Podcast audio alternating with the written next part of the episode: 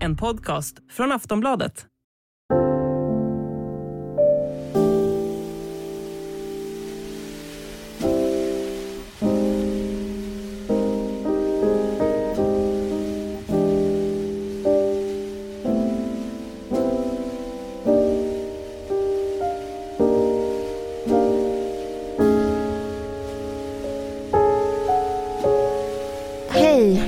Hej, Carolina Ramqvist. Hej.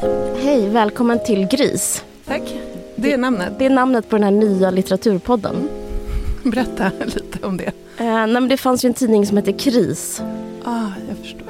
Och eh, jag tycker kanske att Gris... Alltså det är både en hyllning och liksom en uppdatering av den. Mm. Och kanske passar bättre i samtiden. Mm. Eh, ja.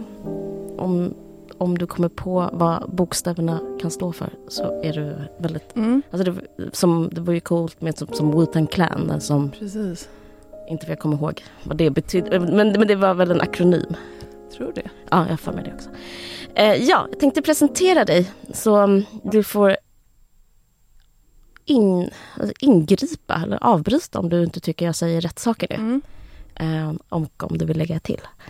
Okej, Carolina Ramqvist är en författare och hon har skrivit en mängd böcker och essäer. Björnkvinnan var den senaste som har nått nationell och internationell framgång.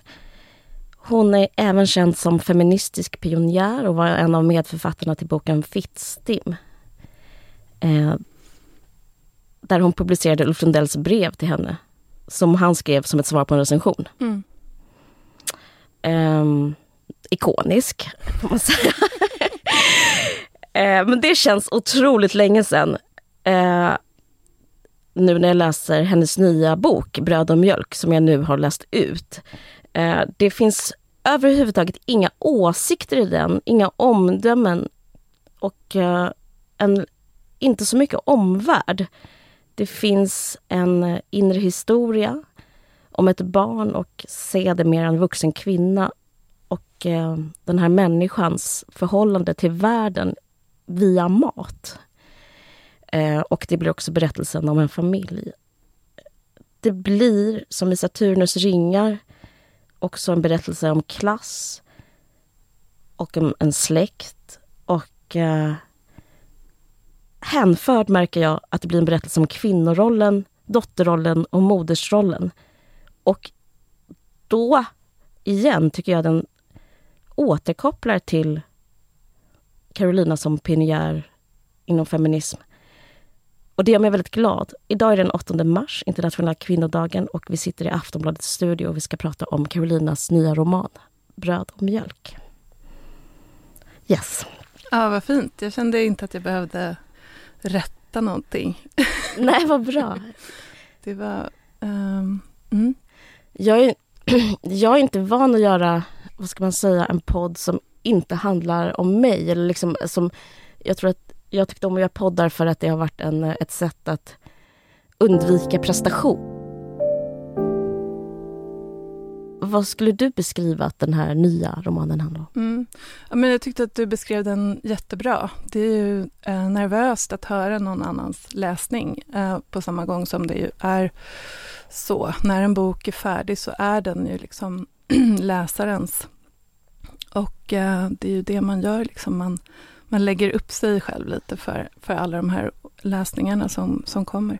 Men det är en eh, barndomsskildring och ett utforskande av eh, minne, mina egna barndomsminnen. Um, och på samma gång um, en sorts, uh, alltså en sorts undersökning av min egen uh, relation till mat, eller min väldigt stora kärlek till mat. Uh, och också kanske en uppgörelse med den, um, Mm. i och med att den också är um, komplicerad.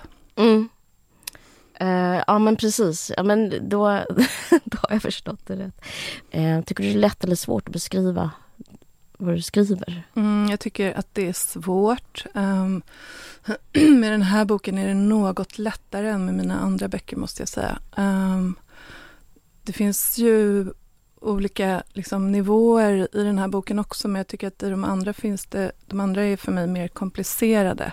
Jag ville att det här skulle vara en enkel bok. Um, men uh, jag tror att också när jag skriver så har jag väldigt svårt att... Uh, alltså jag tror att skrivandet i sig är ju ett sätt att få reda på vad det handlar om, såklart. Um, mm. Och jag har ofta liksom delar som jag vill nå fram till, men väldigt sällan en klar bild av vad det är jag ska göra när jag börjar. Jag har liksom en, en uh, känsla kanske av vad jag vill uh, göra, men jag vet inte hur jag ska göra det. Mm. Och så är det det som jag behöver förstå. Mm. Och det är ett ganska stort arbete för mig, måste mm. jag säga.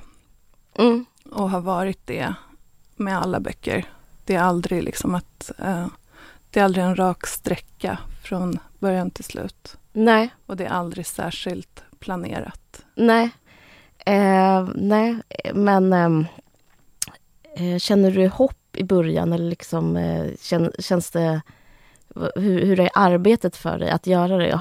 Finns det, för du avslutar ju dina böcker, du, du har en liksom lång katalog bakom dig. Eh, är det, vad kommer din eh, självklarhet att du ska skriva klart böckerna mm. ifrån?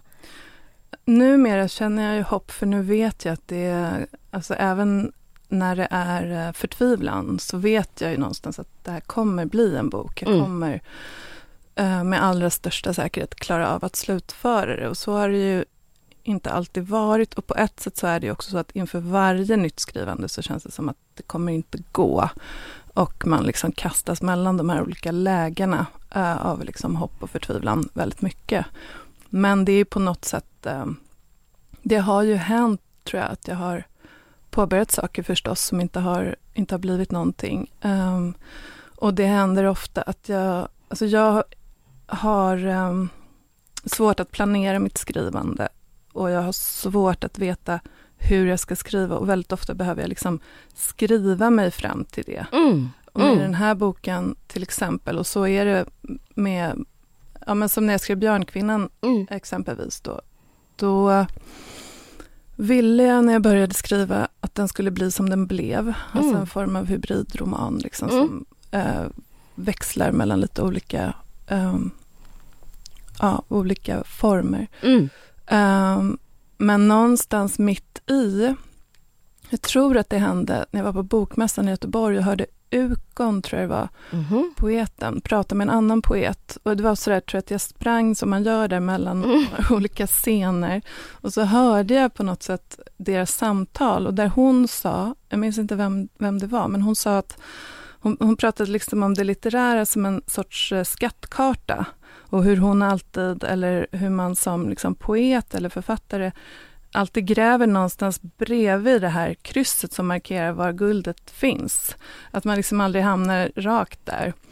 Och det var någonting i det som fick mig att känna så här, åh gud, nu gör jag också det igen. Jag kände igen det så väl. Mm. Och så kände jag liksom att jag behöver göra det på ett annat sätt. Jag behöver skriva en, en uh, traditionell historisk roman av det här materialet mm. istället. Alltså menar du med Björnkvinnan? Mm. Ah, ah.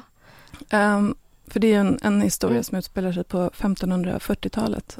Så då uh, gjorde jag det ett litet mm. tag, bara för att uh, jag kände liksom ett sånt, ja, att jag var tvungen att testa. Jag kanske hade tänkt helt fel.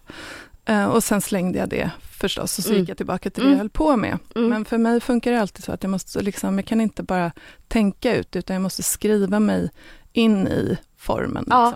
Och med den här eh, Bröd och mjölk så var det så att först så skrev jag den mer som en essä, det handlade mer om ämnet mat. Um, och sen bytte jag helt och skrev mer en, en mer liksom traditionell roman med mycket mer eh, fiktionalisering och sådär. Och sen slängde jag den också till vissa, då hade jag några också läst den och då blev de väldigt besvikna. Och så kan det ju vara ibland, att man liksom har vissa läsare. Um, och, ja. Hur står du mot andras positiva läsning då? Eller? Ja, precis. Det är lätt. I skrivandet tycker jag. Att stå emot, jag har väldigt svårt att stå emot andras tankar i verkligheten. Utanför skrivandet eh, har jag svårt att stå emot andra överhuvudtaget. Men i skrivandet, det är liksom någon sorts plats där jag är suverän och autonom på ett sätt som jag aldrig är i, i, i eh, mitt, inte ofta i alla fall, i mitt liksom, liv. Mm. Det är en underbar plats att vara på. Mm. ja, jag känner igen. Um, det var lite svårt uh, att skriva den här boken, just uh, svårt att hitta formen. Liksom. Mm. Och uh, jag bearbetar ju alltid ganska mycket. Mm. Um, men här gjorde jag det nog lite under en lite längre period. Liksom. Jag fattade fler beslut i slutet av skrivandet mm. som blev viktiga. Jag strök en del uh, saker som just kändes som utflykter. Mm. Liksom. Mm. Um, ja men det är snyggt. Det är snyggt. Well done. Alltså, det är en, en tjusig känsla också för läsaren att liksom inte behöva vara all over the place. Mm. Liksom. Det är rätt mm. skönt. ja men du. Jag blev hungrig när jag läste. Mm. Eh, jag var väldigt sugen på olika grejer du gjorde. Bara där i början igen så var just det pasta arrabbiata, det är mm. fantastiskt. Eh, och så tänkte jag också, ja gasugn, blir inte brödet, alltså det är väldigt taktilt liksom. Mm. Eh, hur får du yta på brödet i en gasugn? Mm, jättesvårt. Ja, det är svårt, eller hur? Nu, ja. har, jag, nu har jag vanlig. Du har vanlig. gasspis och elugn. Det är mycket Uff, enklare. Ja. Goals. Ja, nej men eh, förutom mat som tema skulle jag, upp, skulle jag ändå beskriva sorg som tema eh, och något begärligt. Jag kände av sorg, begär och mat. Och jag undrar hur det här ämnet kom till dig, matämnet. Mm. Jo men jag har eh, väldigt länge velat skriva om det men liksom skjutit det ifrån mig ganska mycket. Och det har flera anledningar. Dels tror jag att det handlar om att eh, det har varit skönt att ha, alltså mat har alltid varit väldigt viktigt för mig. Och det har varit skönt att ha ett fält liksom i livet som författaren i mig inte så här, klampar in på och försöker mm. göra litteratur av. Att det har varit väldigt fredat. Liksom. Det känns som att mycket annat i mitt liv har jag liksom an eller använt eller hanterat genom att skriva om det. Och då har jag tyckt om att det där har varit liksom en sorts no-go zone för, för min inre författare. Sen tror jag också att det har handlat om att mat, alltså på 90-talet när jag mm. liksom började skriva böcker, då mm. var ju mat um, för jag hade redan då en idé om att skriva om mat. Nej, vad spännande. Någonting som skulle likna den här. Jag ville skriva en eh, typ av matmemoar, vilket man kan säga att det här också är. Oh ja, oh ja. Men då ville jag nästan att, jag ville liksom att den skulle handla om mina, mina minnen av människor jag känt och maten som vi liksom ätit och pratat om och längtat efter. Och den skulle kanske till och med innehålla recept, tror jag att jag tänkte då, mm. eller bilder eller sådär. Mm. Men det var ju också så att mat på 90-talet, det var då mat började bli en stark identitetsmarkör, en sorts liksom livsstilsämne och handlar ganska mycket om status och konsumtion och, och de sakerna. Och eh, det har det ju alltid gjort, men det blev så i ögonen fallande på mm. den tiden och nu är det ju så ännu mer förstås. Mm. Och det tror jag gjorde att jag liksom värjde mig eh, mot det lite grann. För att du var mot eh, eh, statusen? Mot status, livsstil och Ja men det är inte, inte dåliga ja, grejer att vara emot. Jag men, liksom att ja. det var också ett pinsamt, ja, någonting för pinsamt. Det, det, det kan jag eh, förstå.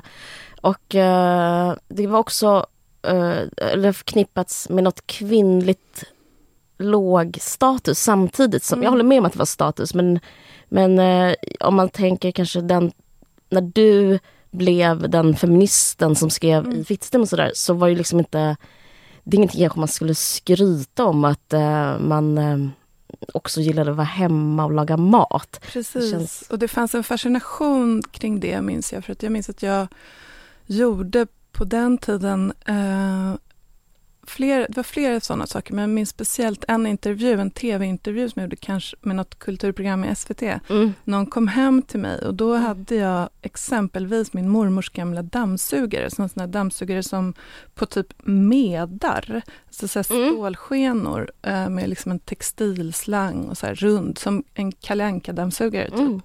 Och då minns jag att det här tv-teamet liksom fick mig att så här, dammsuga min lägenhet när de filmade. Och det gjorde de ju förstås för att det fanns en, en så här, eh, lockelse i så här, den här unga feministen som liksom städar sin lägenhet. Mm. Och jag tror inte att vi gick in på mat, men, eh, men det där finns ju där att det är någon typ av motsättning och det fanns väldigt starkt i mig också. Jag kände liksom, eh, alltså det finns ju mycket pins... Jag kände att det var pinsamt att vara intresserad av mat för att det var eh, lite ytligt men också för att det hade att göra med den här väldigt traditionella Mm. kvinnorollen. Mm. Ehm, och, att, eh, och det är något som jag har intresserat mig för mycket i mitt författarskap. Mm. Alltså kvinnorollen och hur eh, Verkligen. ehm, de tabun som kanske finns kring det för, för mig. Ehm, till exempel Flickvännen handlar ju om en, en kvinna som liksom frånsäger sig Mm. sitt, eh, sin eh, självständighet ganska mycket. Och det var ju eh, lite provocerande tror jag för många läsare då. Mm. Och, eh, eftersom liksom man tänker sig att generationer av kvinnor tidigare har velat eh, uppnå självbestämmande och ekonomisk liksom, självständighet och så vidare. Och hon intar frivilligt någon typ av så här, eh, hemmafru-roll. Liksom. Mm. Mm. Vilket också var någonting som var väldigt starkt då.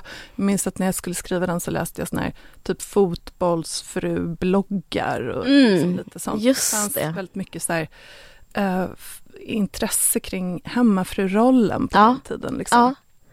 Ehm, och på något sätt så har jag känt såklart likadant kring det här med mat och mat, alltså att laga mat. Att liksom, det är ju någonting som, och det handlar också den här boken om, att det är något som Mm. generationen liksom före oss, de som kom ut på arbetsmarknaden och gjorde karriär på 60 Mm. och 70-talet, Mm. de eh, var ju så nöjda med att slippa laga mat och Ja. matlagning var ju en symbol för ett sorts... Du borde triggervarnat vissa kapitel. Nej men det är li- riktigt jobbigt liksom att besöka de dagarna.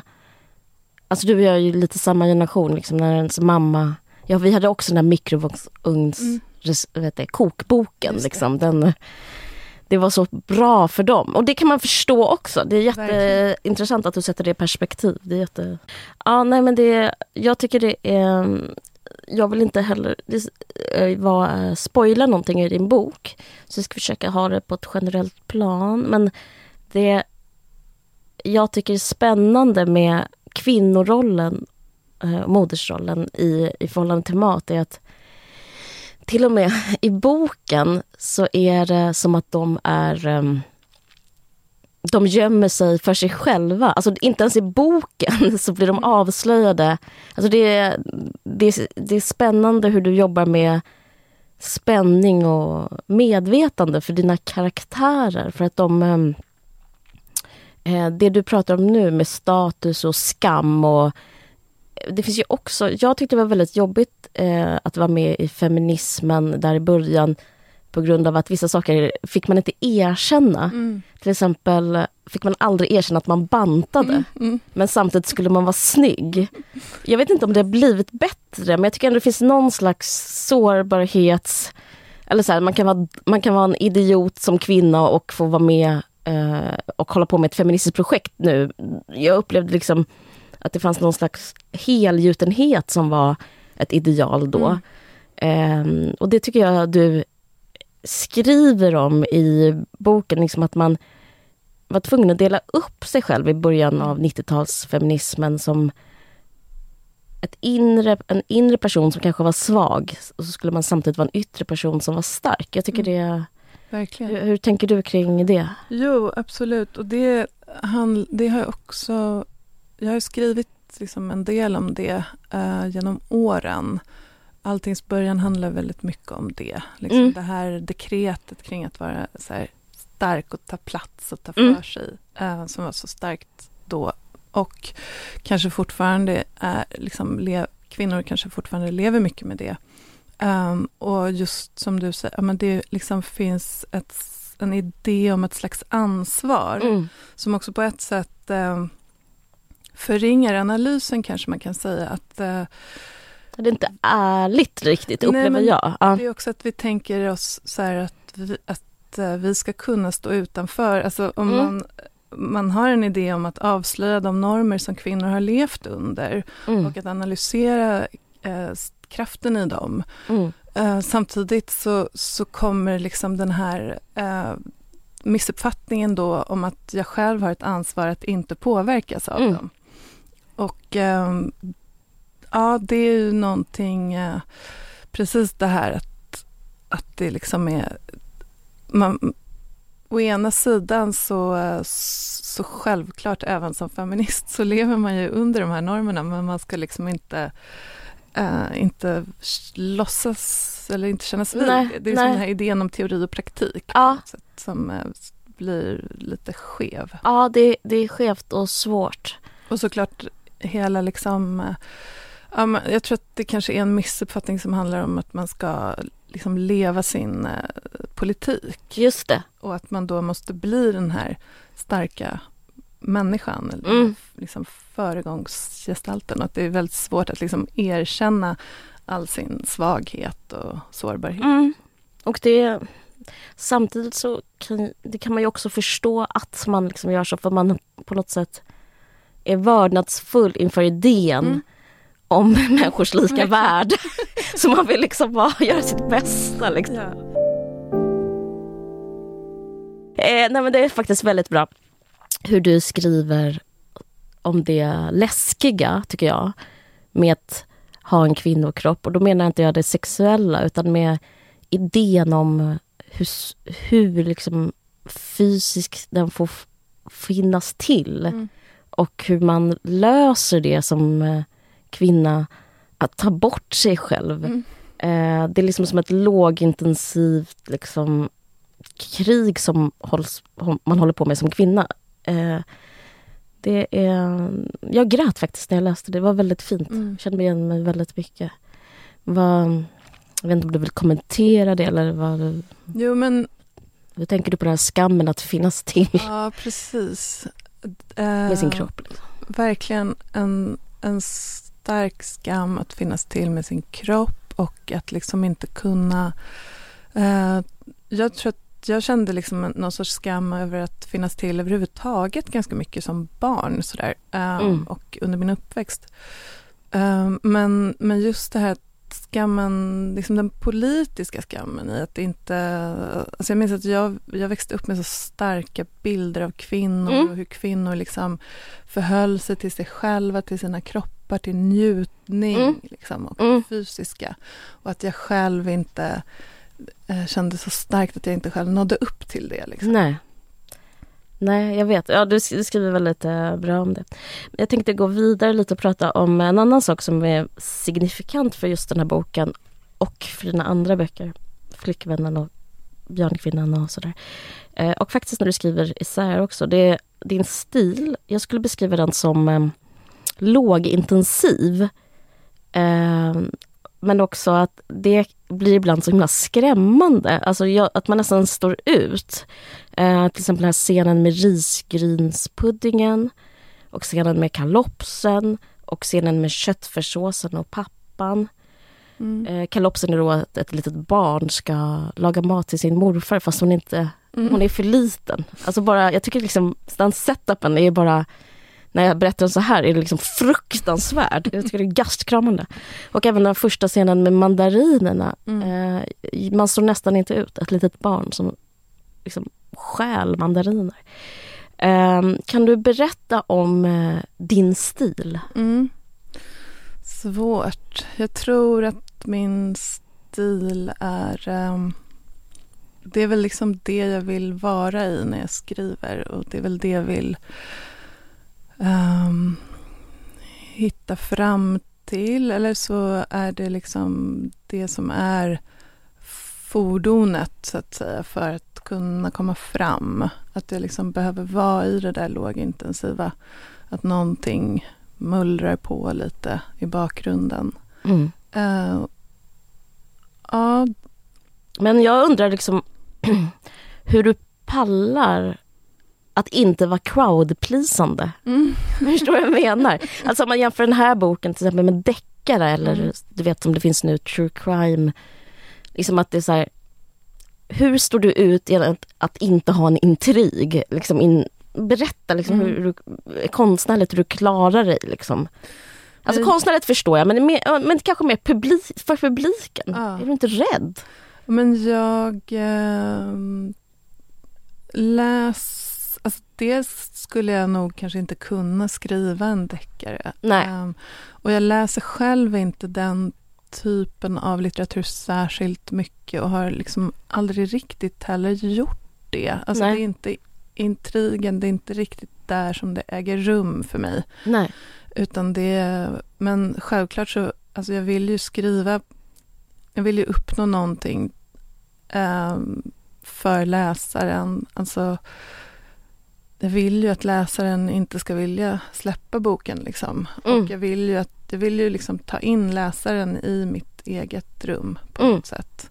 Och att det ska liksom bli en plats där man måste vara kvar. Mm. Och det kanske har blivit också ännu starkare ehm, med tiden på något sätt. Att det är det som, eh, som finns i litteraturen. Mm. Liksom, som är så starkt och som jag, ja, men jag själv känner att jag behöver det mycket nu i vår tid. Där, Mm. Som ju kan uppfattas som liksom fragmentarisk på Mm. ett sätt när man tar del av konst eller kultur eller sådär.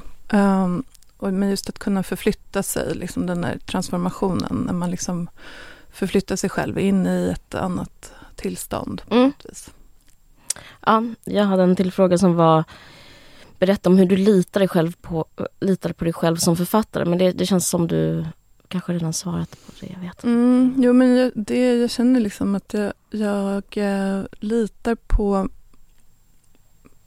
både litar och inte litar på Mm. mitt, eh, mitt liksom skrivande jag. Eh, jag ifrågasätter det en del medan jag skriver. Och, eh, men samtidigt så, så är det liksom en del av mig själv som jag har mycket större tillit till än andra delar. Att jag, att jag känner att jag kan liksom, den rösten är så stark i mig. Mm. Och det skiljer sig mycket från liksom min ehm, andra röst. Mm. Jag pratar så här. som jag är mycket mer tveksam inför. Mm. Ja, jag, jag tror jag känner igen det och har hört hos a- av andra författare säga Mm. så också. Um, du har ju skrivit mycket om identiteten innan i essäer och sådär eh, om, som författare. Och eh, jag, jag tänkte bara checka in.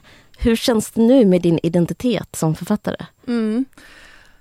Det, eh, det känns, alltså det var viktigt för mig att skriva om det här med liksom den tudelade författaren, Mm. eller så här, kluvnaden i att... Det är inte så mycket i den här boken Nej. eh, menar jag. Nej, det finns inte här. Ehm, jag skrev ju en bok som heter Det är natten, Mm. som jag tror kom 2016. Eh, och den handlar väldigt konkret om liksom, en klyvnad i en person som å ena sidan skriver och har liksom sitt skrivande jag och eh, sen sin författarperson. Och det här var också en tid när ehm, det var liksom många, när den kom ut så var det många läsare som sa till mig så här att de hade inte tänkt på, alltså de sa att de såg, när de tänkte på en författare så såg de framför sig någon som satt i en tv-soffa eller stod på en scen.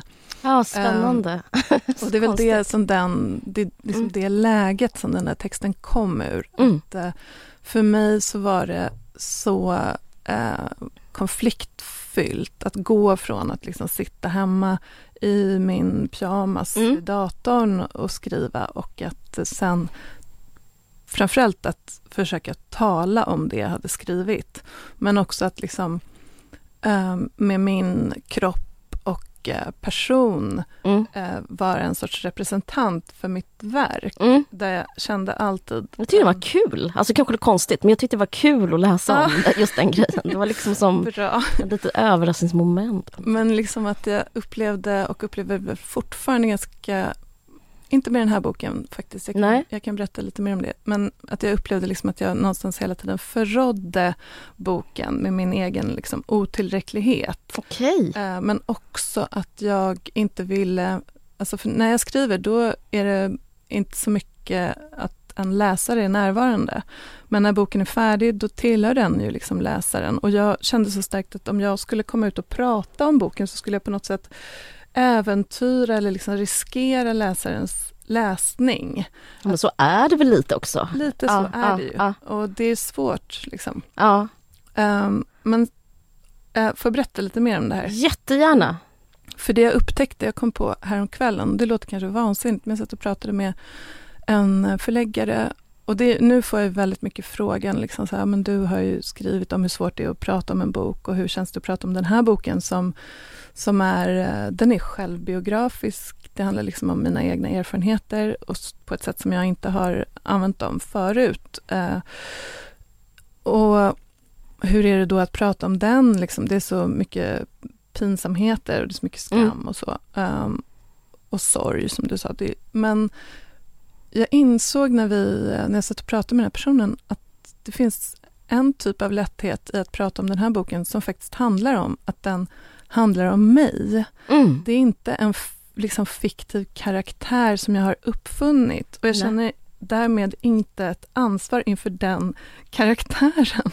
Och jag liksom förstod då att jag brukar känna ett ansvar inför karaktärerna på något sätt. Att liksom skydda dem från mitt pratande om dem och sådär.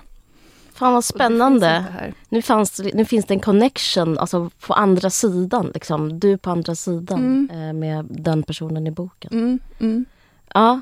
Nej men jag upplever liksom en lätthet. Eh, eh, om man jämför med det du skrivit innan så är det liksom som att, eller det, det är natten, att den liksom ehm, att det finns eh, något som är, som är förenat med att det är jobbigt. För ibland så hoppar det ut på ett metaplan i den här romanen också.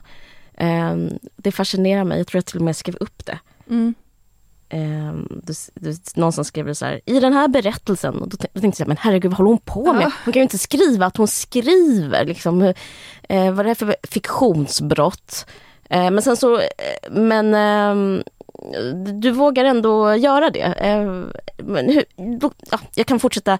Hur förhåller du dig till regler och sådär? Alltså, Mm, eh, inte alls faktiskt. nej. Jag har inga sådana där uppställda regler direkt för mig själv. Eller jag har ju uppställda regler för varje bok, men de Mm. hittar jag ju på själv. liksom. Ja men det gör man ju. Mm. Men det där var min regel. Så jag bara, nej men sluta, du Mm. kan ju inte bara skriva att du skriver. Alltså jag blev typ sur.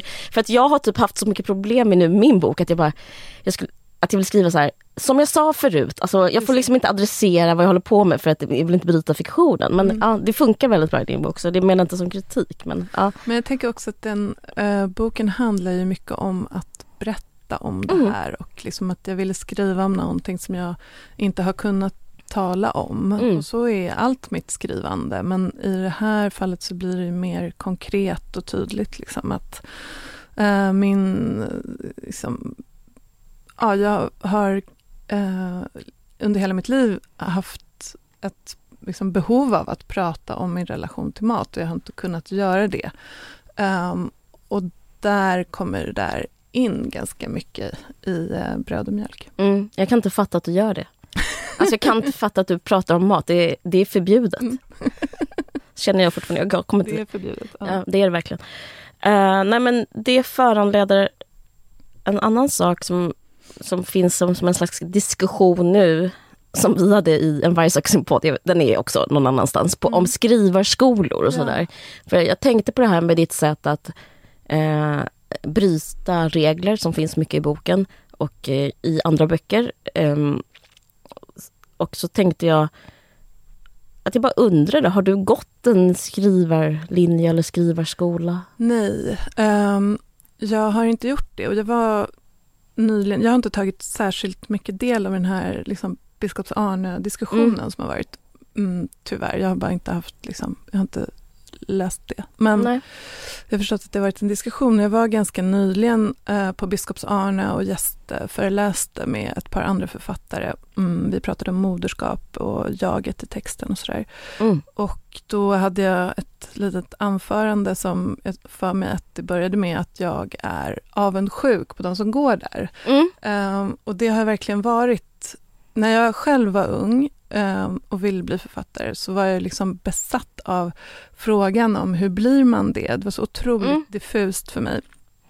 Ehm, och jag visste ju att det fanns ett par liksom, utbildningar för författare. Mm. Men dels, alltså nu så kan jag ju liksom medge att jag inte, framförallt så var det så att jag inte vågade söka till någon av dem för att jag var så rädd att jag skulle bli avvisad Ja. liksom, och få veta att jag inte var ett författarämne. Mm. Det liksom skrämde mig alldeles för mycket. Men det handlade också det som var liksom mitt uttalade skäl då var ju att jag tänkte att de där skolorna stöper alla i samma form. Mm. Ungefär, att jag inte ville bli stöpt i någon form. Mm.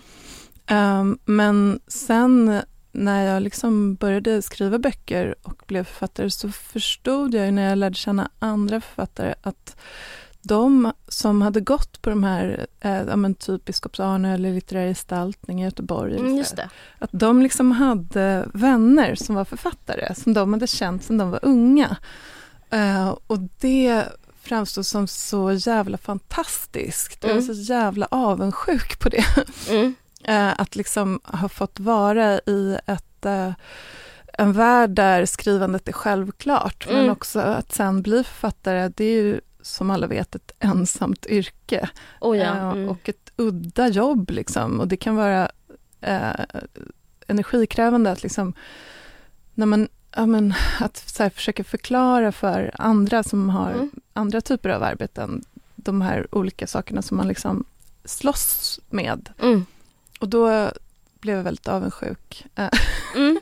på hur, hur de här liksom skrivarskol, före detta skrivarskoleeleverna känner bara andra författare och umgås med andra författare. Och. Mm. Mm. Jag fattar vad du menar. Jag tror att det är en styrka eh, att du inte känner dem. Jag försöker lära känna författare nu. eh, men det finns ju också någon slags i författarrollen som handlar om ensamhet skulle jag ändå säga. Eh, Verkligen. man kan inte ha det för bra. Nej men det handlar liksom om att ha, det kanske bara jag, men det för mig handlar det jättemycket om att liksom ha en ehm, du kanske verkar ha för sig närmare till det, men att, ä- att hela tiden ta reda på vad som är min röst och vad som är min blick. Mm. Och eh, eh, jag känner ofta mig upplöst, Mm. eh, bara Mm. umgås med en enda person. Så att eh, Mm. det, för mig liksom det är en, ensamheten en förutsättning, men det, det kanske det inte är för alla. Det kanske, Mm. det, du kanske bara hade haft ro, roliga fester att gå på, så jag, jag vet inte. Nej men jag håller med, alltså jag känner igen det där väldigt mycket i, i mitt liv, liksom, att jag, blir, jag känner mig alltid väldigt upplöst. Men att jag tror att författandet eller liksom eh, skriva, läsa, eh, ha, att ha den där rösten Mm. som liksom ger upphov till skrivandet, det har nog alltid för mig varit, alltså sen kanske till och med innan jag kunde skriva rent Mm. Alltså innan jag verkligen lärde mig skriva överhuvudtaget, innan jag kunde Ja. ABC, så har väl liksom min inre röst varit väldigt stark och en, Mm. bra, en bra motpol till den där upplösningen i övrigt. Liksom. Mm. Ja, och underbart. Det är så skönt att eh, när man är upplöst att man också kan ha en röst någonstans. Eh, det, det är trevligt. Och det märkte jag också eh, när jag hade skrivit klart den här boken. Mm. Så eh, på något sätt så får man ju en annan relation så fort man har satt punkt. Liksom. Och eh, när jag hade skrivit färdigt den så förstod jag att det är vissa saker i den här boken som jag liksom kanske började skriva innan jag kunde skriva. Alltså vissa meningar Mm. som jag liksom eh, eh, formade för mig själv som ett här, ganska litet barn. Ja. Det, ja, det, det är barnets jag som finns med Mm, där. mm. Eh, Jag förstår vad du menar. Och då längtade jag ju också efter, liksom, då, då använde jag mycket den där rösten Ja. eh, inom mig. ehm, som sen liksom blev den rösten som jag har använt till att skriva. Ja. Ja, det, det märks. Det är spännande. För mig så handlar boken också ganska mycket om det, liksom att eh, det här barnet som, som upprättar en relation till mat och ätande. ehm, det är också liksom lite samma relation som jag sen upprättade till skrivandet. Att jag liksom skapade en, en eller jag uppfattade att liksom i det här med att äta så fanns det ett eget rum och en egen... En inre värld. Liksom. Ja, Mm, precis. det tycker jag märks. Och Ja. det blev på samma sätt för mig med eh, ja, skrivandet. Är den här boken, har, har den varit terapeutisk att skriva? Uh, jag, det kändes inte så när jag skrev. Det kändes väldigt skrämmande när jag skrev. Jag var liksom ganska rädd när jag skrev. Uh, mm. Jag var rädd för att liksom sätta igång olika saker um, i mig själv. Att, liksom, jag var rädd för att blicka in i den där, uh, det där mörkret som den skildrar på, på mm. vissa sätt. Mm. Um, för jag befinner mig inte där längre. Um, och det, det, skrämde mig liksom att gå in i det. Mm, verkligen. Och, men nu så tror jag um, i efterhand förstås att det har varit, det har liksom det har tjänat mig, tror jag, mm. att, att få beskriva det. Och jag har ju liksom närmat mig det, kanske delvis i det natten och sådär. Mm. Men uh, inte på det här väldigt så här, konkreta sättet ju. Nej. Och jag tror att det har, det har absolut uh, varit liksom bra för mig att, uh, att få in mm. den här delen av också min barndom. Att jag har liksom varit en en sån vuxen som har levt mycket i sin barndom. Ja. Och varit ett slags liksom, vuxet barn. Sigge Eklund typ? Ja, kanske, vet ja. inte. Men... Nej, men jag lyssnar på hans podd, det är mycket sånt. Mm. Att han vill besöka sitt gamla hus i Vejbystrand. Ja, jag förstår. Jo, men uh, liksom min barndom var... Uh, jag uppfattar den som en så suggestiv ja. plats. Och det har... Men var den lycklig? Nej, den var olycklig. ja, och det, det, tycker jag är en fråga i boken. Jag bara, varför är hon så besatt av det här? Mm. Eh, det verkar så jobbigt. Mm. Jo, men jag var, uh, jag var mycket ensam som barn mm. um, och jag tänkte väldigt mycket. Ja. Och det är svårt för, för barn som tänker mycket ja. eftersom liksom barnets värld är en liten värld. Um, men det blir någon sorts asymmetri i hur liksom, uh, den stora världen tar sig in i, eh, i barnet och i liksom, tankar och rädslor. Jag var väldigt rädd för eh, allt som jag förstod kunde hända. Alltså när man som barn tänker och har liksom en stor fantasi så inser man ju också alla risker och faror eh, som finns med att leva. Ja. Mm. Och eh, jag hade svårt att eh, liksom existera på vissa sätt. Jag hade svårt mm. att liksom förhålla mig till livet och alla svårigheter som jag ganska snabbt insåg att det innehöll. Mm. Mm. Uh, och därför blev det liksom, ja men därför blev det, uppstod det någon, någon sorts liksom uh, stark röst i mig tror jag. Mm. Ja, eh, jag tror också du beskrev nu Eh, vad det som är läskigt med boken. Alltså det jag menade med det, att det, finns, det är nästan som en väldigt ultra långsam eller ultra eh, lågintensiv skräckfilm på vissa sätt där ingenting händer. Mm. Men känslan är kanske barnets upplevelse av en fara i världen. Mm. Eh, det, mm, det är förtjänstfullt ja, men du nämnde den här risgrynspuddingen som spelar liksom en, en mm. central roll Verkligen. i, i uh, boken. Och det är också det som, uh, ja men att laga, alltså jag lagade en risgrynspudding till min dotter för att liksom jag tror att det var det jag ville med det. Jag ville liksom att hon skulle, jag ville berätta någonting för henne. Mm om vem jag var och liksom vilka mina morföräldrar var och så här, om mm. min barndom med dem. Eh, som förföll så otroligt långt ifrån liksom, mitt eget liv med min dotter. Eh, jag ville liksom att hon skulle få veta någonting om det som jag uppfattade att jag inte kunde berätta för henne på något annat sätt. Liksom. Nej, det är som ett sätt att försöka sträcka sig utifrån en dåtid. Mm, eh, det finns för mig är det förknippat med sorg också. Att det är liksom, förstår du vad som hände då? Mm. Nej, du kan, nej mm. du kan inte förstå nej. det. För att du, vi är här nu. Mm. Och jag förstår, ja, ja det, var, det är starkt, det är sorgligt tycker jag. Um, jag känner igen mig i det, särskilt i förhållande till sina egna barn. Jag vill mm. liksom om detta må man berätta, ja. känner man liksom så här, jag vill berätta om en person som inte fanns till exempel men som betydde mycket för mig. Så liksom blir man, så märker man att allt bara vad ska man säga, det är bara en nagel av en hel kropp man Mm, lyckas förmedla. det är stumt, Liksom. Det är liksom. Och så hitta, försöker man hitta sätt. Det, det är sant. Musik kan ju också vara så. Mm. Och jag tror att liksom, jag hade också den känslan när jag växte upp att uh, alltså mina morföräldrar de var liksom födda i början av förra seklet uh, med allt vad det innebar um, och växte liksom upp eller var barn då under tiden för första världskriget. Um, och de ville inte berätta så mycket för mig um, men det fanns ju ändå en känsla hela tiden av att det de hade varit med om och den tiden Mm. var någon typ av avgrund som vi Mm. liksom rörde oss över på Mm. något sätt. Ehm, och ja, medan jag då hade ett mycket starkare behov av att liksom berätta Ja, för, eh, för mitt första barn. Medan nu så kan jag känna att jag har helt gett upp. det kan också, kanske mer chill nu. Mm. Det är liksom någon slags fåfäng. Alltså det, ska, man, ska man liksom tävla mot tiden nu då? Alltså, eller döden.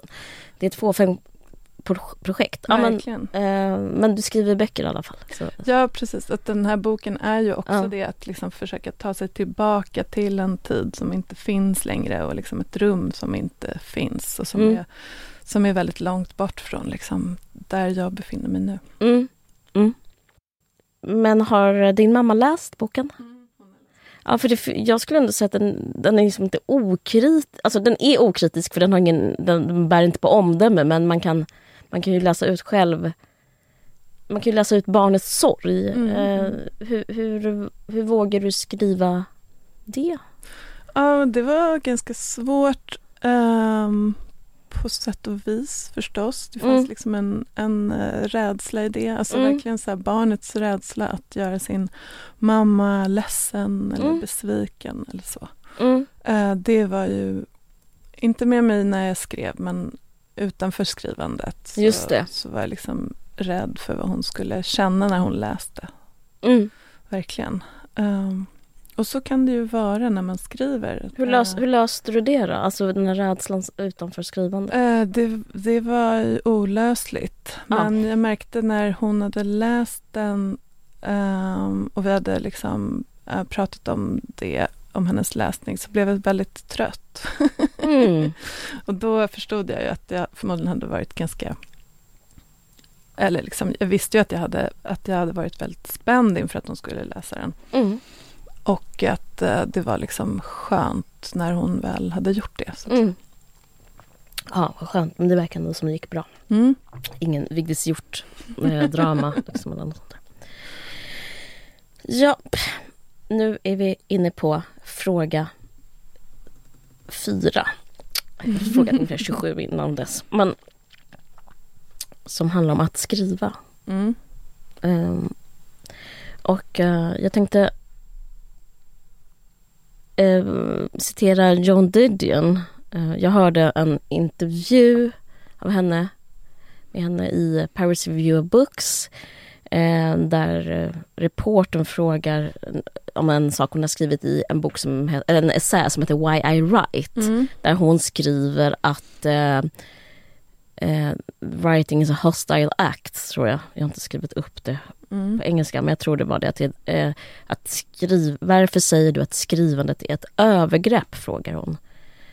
Men då säger hon att, att det är det bara. Liksom. Eh, mot sig själv kan det vara det, eller mot andra. Att man tvingar någon. Men lite som vi pratade om innan. Jag vill att du ska se det jag Mm, ser. mm. Eller rättare sagt, jag tvingar dig se det jag Precis. ser. Hur, eh, hur, förhåller du sig, hur förhåller du dig till den här aggressiviteten? Eller håller du med om påståendet? Mm, jag håller med och det, det blir ju, det aktualiseras ju ibland just eh, när man skriver om andra människor eller sin, sin liksom blick på andra människor som kanske eh, finns i livet. Mm. Och det här att, eh, att det är liksom att jag pådyvlar någon annan min, eh, min syn och min position och min berättelse. Liksom Mm. läs det här. Det, det är ju någonting som, eh, som jag har haft. eh, Jag har mindre svårt med det nu. Mm. Men och det ingår ju Du har i... haft lite svårt med det innan. Ja, och För det kan ju också vara njutningsfullt. ja, eh, absolut, det kan jag förstå, det kan jag se. Mm. Det kan finnas en, eh, en revansch i det, Mm. liksom Mm. en sorts eh, revanschistisk njutning. Liksom. Vilket jag tror att det har varit för mig. Jag har varit en person som har varit ganska, eh, ja men kanske haft svårt att pådyvla omvärlden min syn eh, liksom på andra sätt. Ja. Eh, och svårt att bjuda in, tror jag, Mm. till, till liksom mig själv eller ge av mig själv i liksom verkligheten.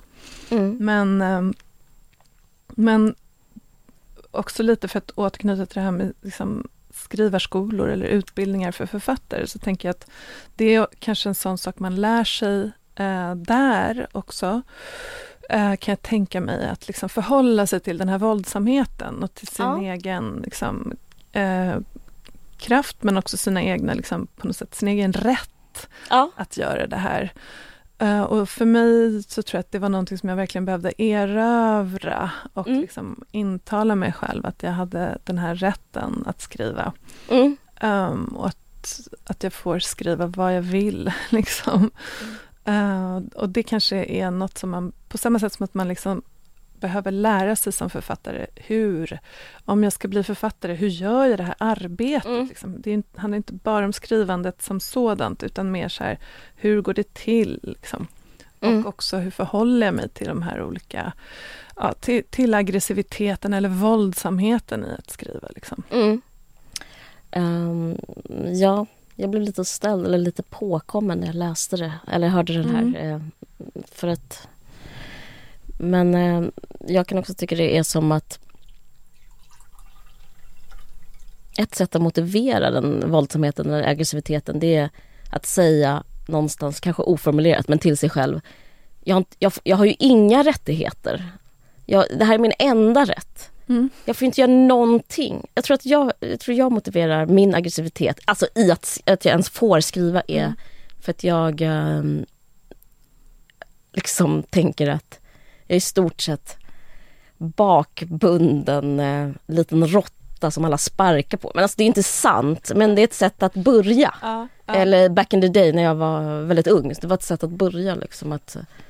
ehm, ja, jag vet inte. Det är kanske också är därför det inte är bra med skrivarlinjer för att man... Det är en, det är en skjuts att känna, de får, nu vill jag också. Mm, mm. Men nog om, om mina små tankar.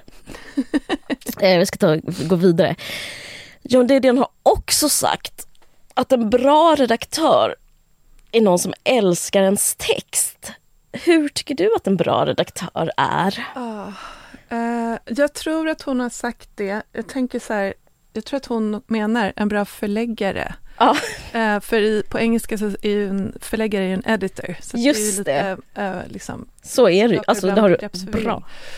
en, redaktör, en bra redaktör älskar förvisso också ens text. Jag håller med om det också. Ja men men vi säger förläggare då Mm. för att vi ska förstå vad vi menar. Mm. En, jag känner så här att en förläggare älskar, eh, eh, måste, en bra förläggare älskar verkligen min text och Mm. helst också mig. Ehm, och en bra förläggare skapar den där tryggheten. Mm. Eh, verkligen. Mm. Jag har själv haft en otroligt bra förläggare eh, under en lång tid av mitt författarskap och det, jag tror att det har hjälpt mig jättemycket. Vad, hur skulle hur eh, ordet bra kan vara lite intetsägande. Vad menar du då med att hon är Då bra? menar jag kärleksfull. Ja, Eh, ja. Att hon älskar min text Mm. och att eh, hon har väldigt stort förtroende för mig. Mm. Och att hon ehm, är, har en väldigt stor lyhördhet och försiktighet. Mm. Eh, är väldigt varsam. Liksom. Och förstår att ehm, för mig, eh, många liksom, möten med min förläggare har bara handlat om, eller jag har kommit därifrån och känt att allting har löst sig. Känt en, ofta en sån otroligt stor lättnad att alla mina problem är ur världen. Mm. Men om jag i... Vad kan det vara för problem? Ja men alla mina liksom jag har löst alla problem jag för tillfället har i skrivprocessen. Och om jag efteråt skulle säga vad, hur det gick till i vårt samtal så är det ganska omöjligt. Och efter ett tag så förstod jag att det enda eller liksom, min känsla var att det enda jag egentligen gjorde var att ligga på någon sorts liksom imaginär divan mm. och prata ur mig eh, och liksom föra en monolog som hon, eh, att, att hon liksom satt bakom mig ungefär som en psykoanalytiker som kanske hummar lite. Mm. Eh, men att någonting i den här grundmurade liksom, känslan av att vara trygg och mm. att liksom vara älskad eller att min text, min text är, älskad mm. som ett barn. Liksom. Mm. Det var väldigt viktigt för mig. Och men vad gäller redaktörer så, så gäller också lite samma sak där, att redaktören måste ju vara superkritisk men också ha den här grundläggande kärleken. Mm. Uh, och, och det är speciellt, liksom, det är att mm. ge ett förtroende till någon att den ska liksom redigera eller ha hjälpa en själv är det ju ofta. Mm. Eh, redaktören ska ofta liksom hjälpa mig att redigera min egen text mm. och vara min liksom överrock på något sätt. Mm.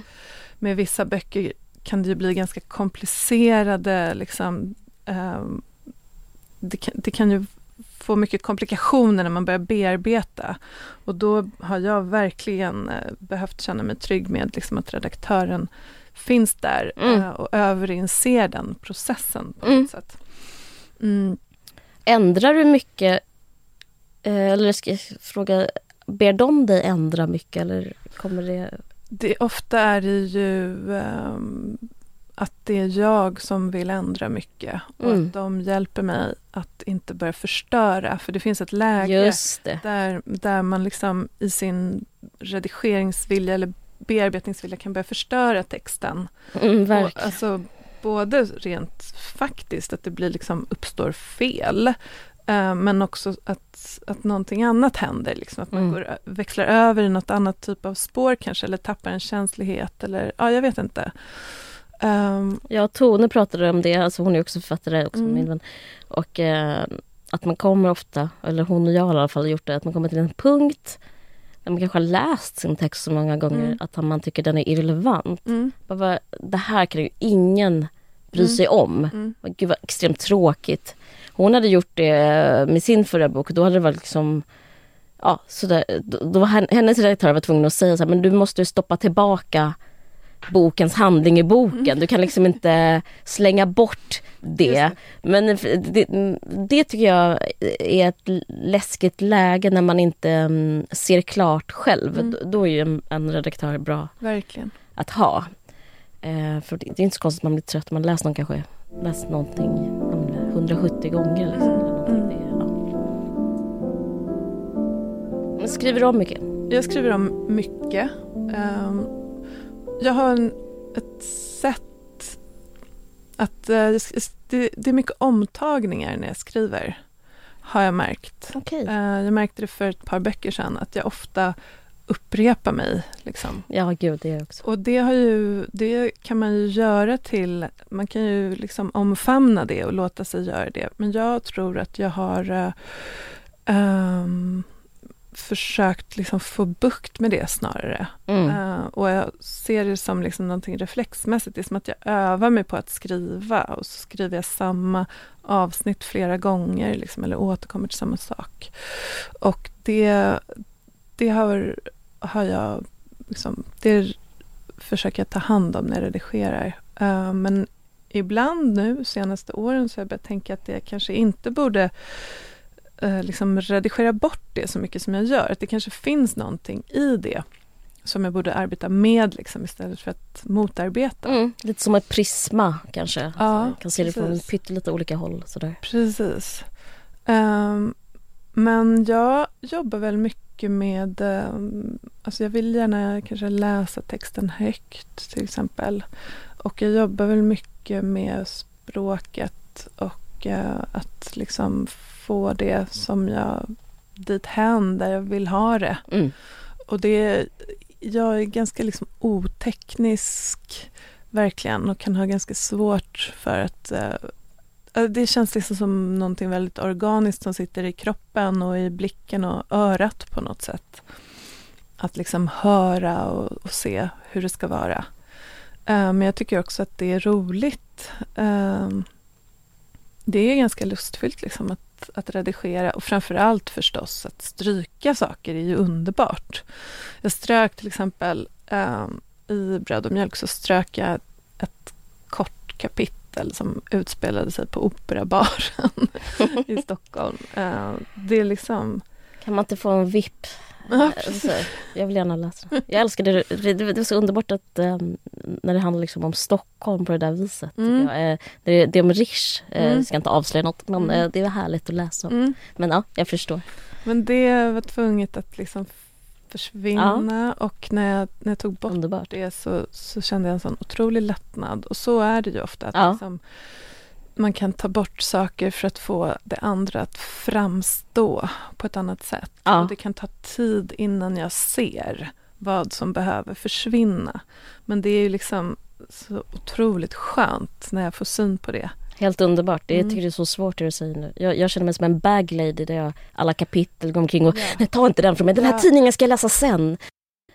Sista lyssnarfrågan är hur ser en typisk skrivdag ut för dig? Ska jag fråga en sak som handlar om Björnkvinnan? Mm. Eh, eller om din identitet eh, som jag undrar över det var väl lite vi varit inne på, tangera det här med skrivarskolor och ha ett gäng och sånt där. Men det har gått väldigt bra för den. Eh, ser det ut som från liksom, min position. Eh, internationell framgång, massa mm, översättningar och sådär. Det är jättekul.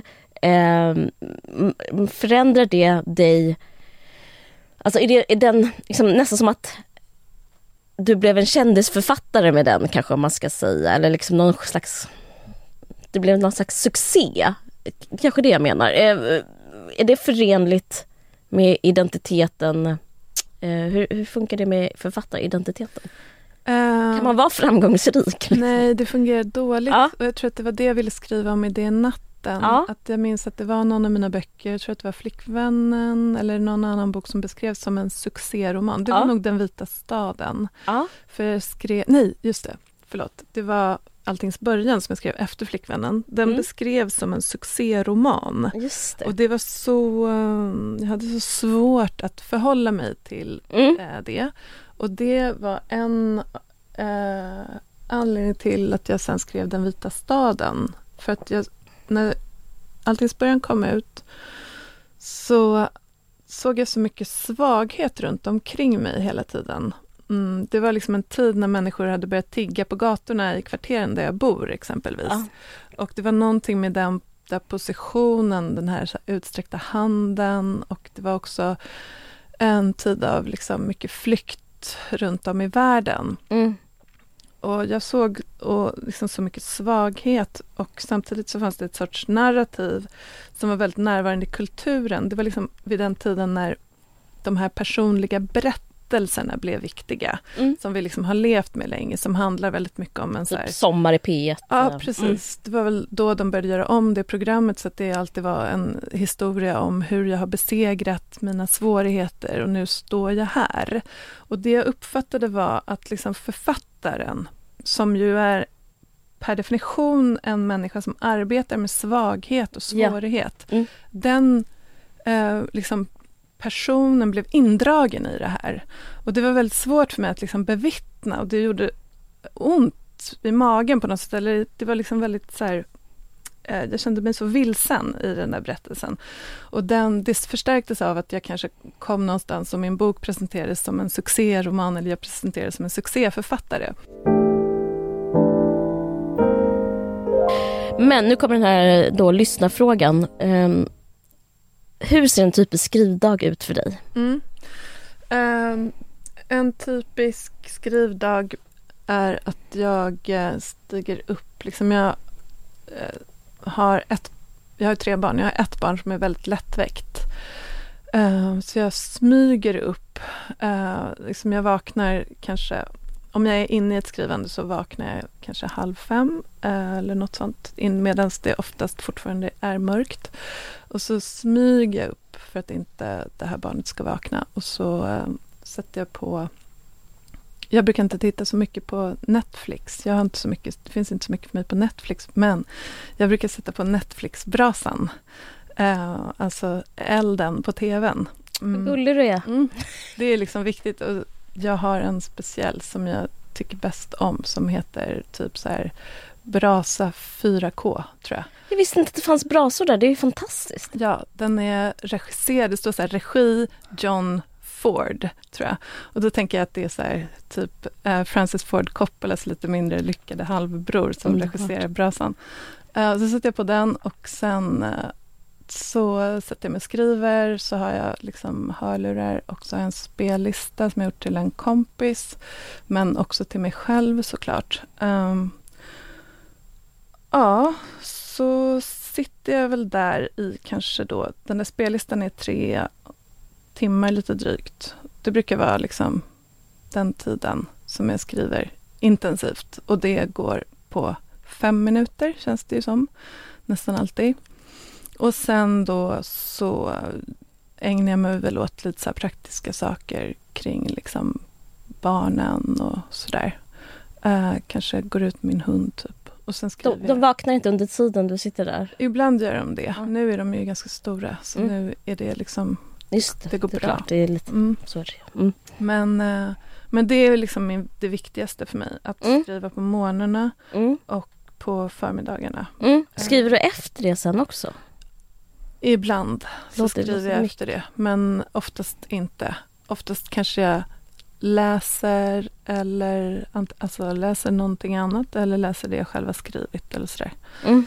Um, men jag börjar bli liksom bättre på att kunna skriva när som helst på dygnet och i, under vilka förutsättningar som helst. Mm.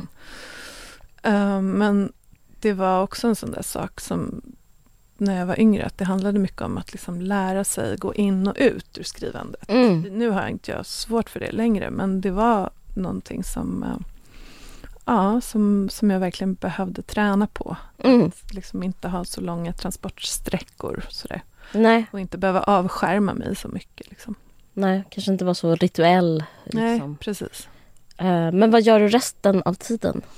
Mm, resten av tiden så uh, läser jag nog eller så um, gör jag kanske något, kanske har något så här administrativt Just. jox som man måste hålla på Just. med som, som jag är lite dålig på. Um, Men du lagar inte mat? Det kan jag göra i perioder. Så lagar jag liksom kanske middag på eftermiddagen. Mm. Så, att säga. Mm. Det, så blir det ofta. Så har det varit mycket för mig också. Att jag har mm. lagat mat när jag inte har kunnat skriva. Mm.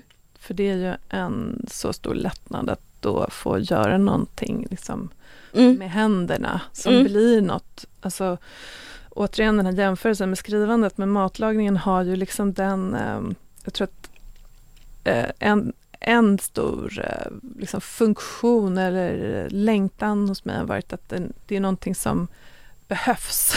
När mm. skrivandet känns onödigt eller att det är inget som ja. någon väntar på. Liksom. Så är maten däremot någonting som alla behöver och alla blir glada av och liksom uh, vill ha. Sådär. Också rätt mätbar uh, grej, om det är gott eller inte. Precis. Okej, sista frågan. Jag har en vän som jag låter vara, inte säga vem det är, eh, som beskriver kvinnoidealet nu som eh, Trump-kvinnan.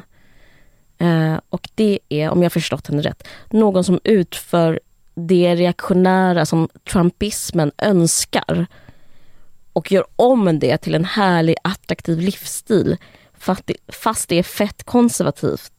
Alltså jag pratar nog om influencers eh, mm. nu som håller på mycket med mat och inredning som om man, om man tänker bara snabbt baka till Carrie Bradshaw-idealet att mm. man har skorna i spisen för förvaring så, um, så är det liksom något annat som anses fint nu. Mm, vad, vad, hur känner du?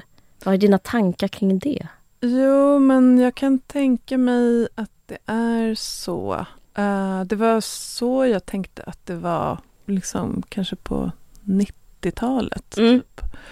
Att det liksom kröp fram ett så här sensuellt kvinnojag som älskade att städa och laga mat, typ. Mm. Ta hand om barn, Mm. kanske. Ehm, och det är, det är möjligt att det är tillbaka. Mm.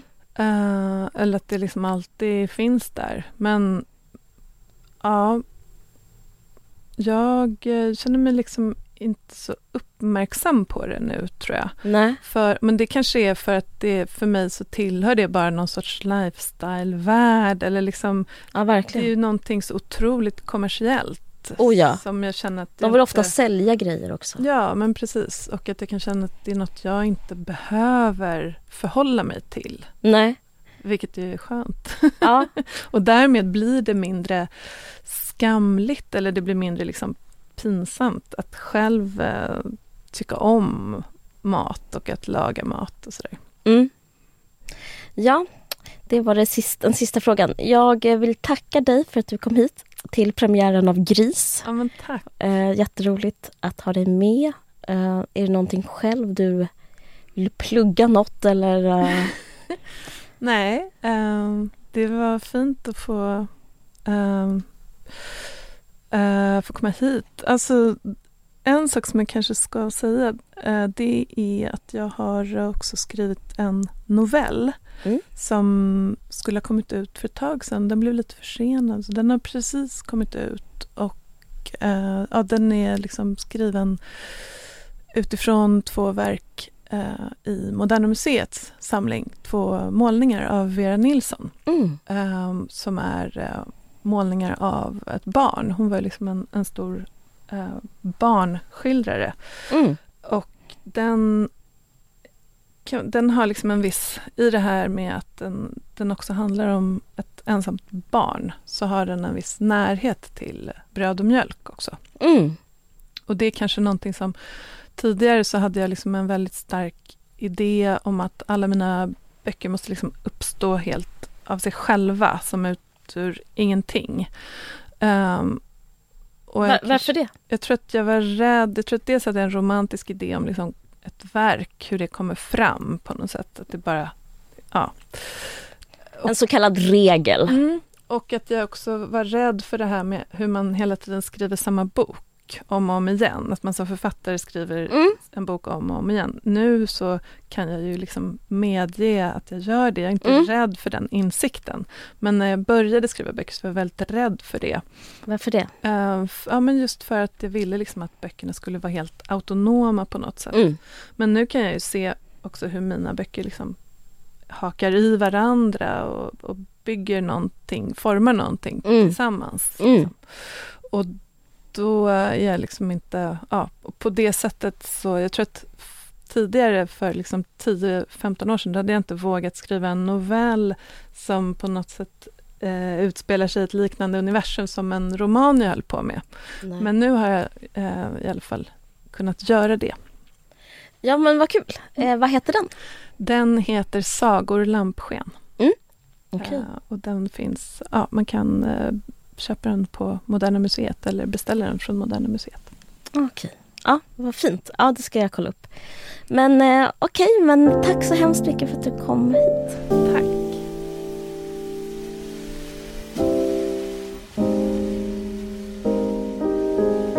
Den här podden görs med i samarbete med Aftonbladet Kultur. Jag skulle vilja tacka Bodil Keisu för samtal. Jag heter Caroline Ringskog Noli och mitt emot mig sitter då Carolina Ramqvist. Vi hörs snart. Du har lyssnat på en podcast från Aftonbladet. Ansvarig utgivare är Lena K Samuelsson.